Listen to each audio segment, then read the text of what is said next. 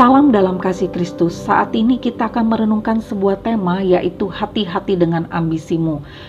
2 Samuel pasal yang ketiga akan menjadi dasar perenungan kita. Sebelumnya mari kita satukan hati, kita berdoa. Tuhan, kami bersyukur karena diberikan kesempatan yang indah untuk bersekutu secara pribadi bersama denganmu. Kiranya Allah Roh Kudus menjamah kami, mulai dari pikiran kami, hati kami, dan kiranya semua itu mengubah perkataan kami, perilaku kami sepanjang hari ini di dalam segala aspek kehidupan kami, sehingga itu semua mencerminkan dan memuliakan namamu. Ini doa kami demi nama Tuhan Yesus kami berdoa. Amin. Mari kita melihat 2 Samuel pasal yang ketiga ayat yang pertama terlebih dahulu. Peperangan antara keluarga Saul dan keluarga Daud berlarut-larut. Daud kian lama kian kuat sedang keluarga Saul kian lama kian lemah. Kemudian kita melihat ayat 6 hingga ayat yang ke-10. Selama ada peperangan antara keluarga Saul dan keluarga Daud, maka Abner makin mendapat pengaruh di antara keluarga Saul. Saul mempunyai gundik yang bernama Rispa, dia anak perempuan ayah. Berkatalah isi boset kepada Abner, Mengapa kau hampiri gundik ayahku? Lalu sangat marahlah Abner karena perkataan isi boset itu. Katanya, kepala anjing dari Yehuda kah aku? Sampai sekarang aku masih menunjukkan kesetiaanku kepada keluarga Saul ayahmu kepada saudara-saudaranya dan kepada sahabat-sahabatnya, dan aku tidak membiarkan engkau jatuh ke tangan Daud. Tetapi sekarang engkau menuduh aku berlaku salah dengan seorang perempuan. Kiranya Allah menghukum Abner, bahkan lebih lagi daripada itu, jika tidak kulakukan kepada Daud, kepada Daud seperti yang dijanjikan Tuhan dengan bersumpah kepadanya yakni memindahkan kerajaan dari keluarga Saul dan mendirikan takhta kerajaan Daud atas Israel dan atas Yehuda dari Dan sampai Bersheba. Dan isi Boset tidak dapat lagi menjawab sepatah kata pun kepada Abner karena takutnya kepadanya. Kemudian ayat yang ke-12 hingga ayat yang ke-13. Lalu Abner mengirim utusan kepada Daud dengan pesan, Milik siapakah negeri ini adakanlah perjanjian dengan aku, maka sesungguhnya aku akan membantu engkau untuk membawa seluruh orang Israel memihak kepadamu. Jawab Daud, baik aku akan mengadakan perjanjian dengan engkau. Hanya satu hal ku minta daripadamu, yakni engkau tidak akan menghadap aku kecuali jika engkau membawa lebih dahulu Mikal, anak perempuan Saul, apabila engkau datang menghadap aku.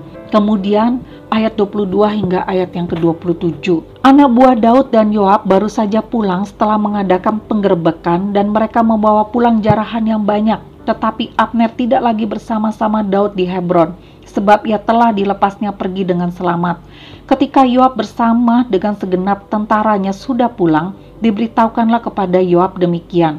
Abner bin Ner telah datang kepada raja dan ia sudah dibiarkannya pergi dengan selamat. Kemudian pergilah Yoab kepada raja, katanya, Apakah yang telah kau perbuat? Abner telah datang kepadamu.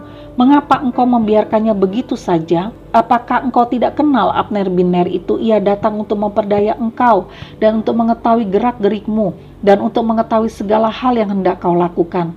Sesudah itu keluarlah Yoab meninggalkan Daud dan menyuruh orang menyusul Abner. Lalu mereka membawanya kembali dari perigi Sirap tanpa diketahui Daud. Ketika Abner kembali ke Hebron, maka Yoab membawanya sebentar ke samping di tengah-tengah pintu gerbang itu, seakan-akan hendak berbicara dengan dia dengan diam-diam. Kemudian ditikamnyalah dia di sana pada perutnya sehingga mati, membalas darah Asael adiknya. Bapak Ibu Saudara yang dikasih oleh Tuhan, setiap orang bisa saja memiliki ambisi dalam hidup dan termotivasi untuk mencapainya Ambisi sendiri dalam pengertiannya sebetulnya mengandung arti yang cukup positif, yaitu satu keinginan yang besar untuk menjadi sesuatu atau melakukan sesuatu. Ambisi pada dasarnya bukan dosa, tetapi ambisi bisa membutakan kita, sehingga setiap keputusan dan tindakan kita dikendalikan oleh ambisi itu. Lebih-lebih bila ambisi itu disisipi oleh sikap hati kita yang sedang dikuasai oleh dosa, maka ambisi yang tadinya kudus bahkan bisa menjadi ambisi yang tidak kudus di hadapan Tuhan. Sebagai orang percaya, kita harus waspada. Sebetulnya ambisi kita ini ambisi kita yang kudus atau ambisius yang tidak kudus. Kita perlu pekah untuk mengenali ambisi kita dan terutama mengenali ambisi Tuhan yang terbesar di dalam kehidupan kita, atas hidup kita. Dari bacaan tadi kita akan menyoroti salah satu tokoh yaitu Abner. Dia adalah seorang panglima perang yang sangat piawai di dalam berperang dan dia sangat setia terhadap Saul dan keluarganya. Sayangnya ketika kekuasaan keluarga Saul kian melemah, Abner dan isi Boset bertikai, berseteru gara-gara gundik mendiang Raja Saul yang dihampiri oleh Abner, sebagaimana dituduhkan oleh isi Boset. Hal ini bukan hanya mengesalkan hati Abner, tetapi membuat Abner sakit hati dan akhirnya muncul kepahitan dalam hidupnya terhadap isi Boset. Ia berambisi kemudian agar kerajaan Israel di bawah kendali keluarga Saul tetap mengalami kejayaan, tetapi bukan melalui isi Boset.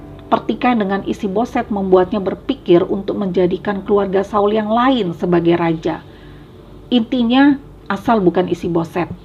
Dan pilihan jatuh kepada Daud, menantu Saul Abner tahu bahwa sebenarnya Tuhan telah menetapkan Daud untuk menjadi raja atas seluruh Israel.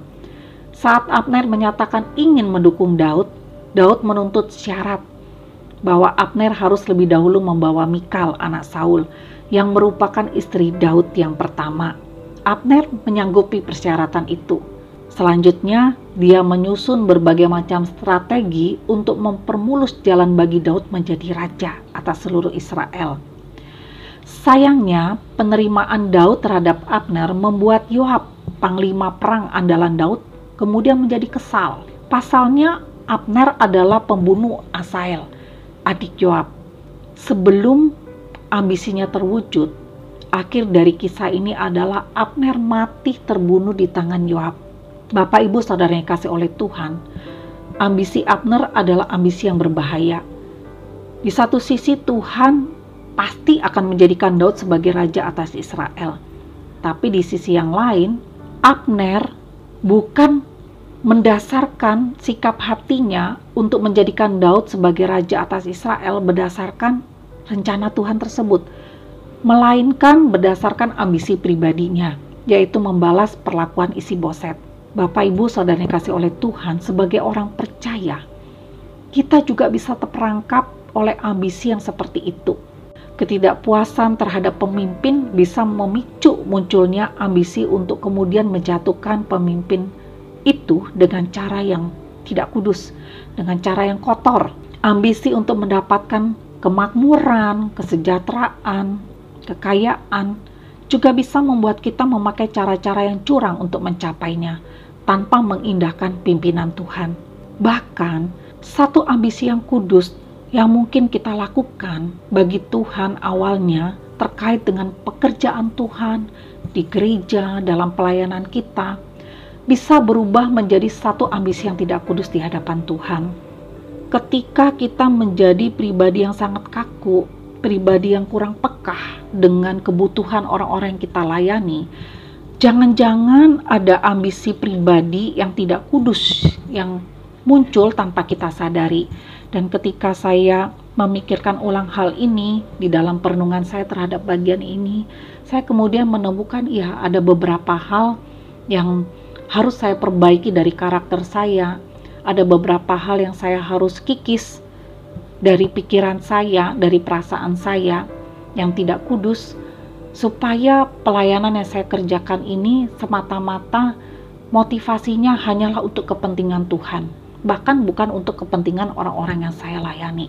Bapak Ibu Saudara yang kasih oleh Tuhan, kita perlu berhati-hati supaya ambisi yang kudus di dalam kehidupan kita tidak berubah menjadi satu sikap yang ambisius yang kemudian ditunggangi oleh hal-hal yang berdosa di dalam diri kita sehingga itu berubah menjadi ambisi yang tidak kudus di hadapan Tuhan dan akhirnya membuat relasi kita dengan Tuhan menjadi rusak bahkan relasi kita dengan sesama kita menjadi rusak, terlebih-lebih lagi relasi kita dengan diri kita sendiri kemudian menjadi rusak. Mari kita membangun kepekaan untuk sungguh-sungguh mendengar suara Tuhan melalui doa dan perenungan firman Tuhan setiap hari supaya kita senantiasa berhati-hati dengan ambisi kita. Mari kita satukan hati kita berdoa. Tuhan, kami bersyukur firman Tuhan hari ini mengingatkan kami kembali untuk kami berhati-hati dengan ambisi kami, supaya ambisi kami tetap kudus di hadapan-Mu dan tidak berubah menjadi ambisius yang tidak kudus di hadapan-Mu. Ini doa kami Tuhan, tuntun kami sepanjang hari ini. Di dalam setiap perkataan, di setiap tingkah laku kami, kami rindu untuk mencerminkan dan memuliakan namamu. Demi nama Tuhan Yesus kami berdoa. Amin.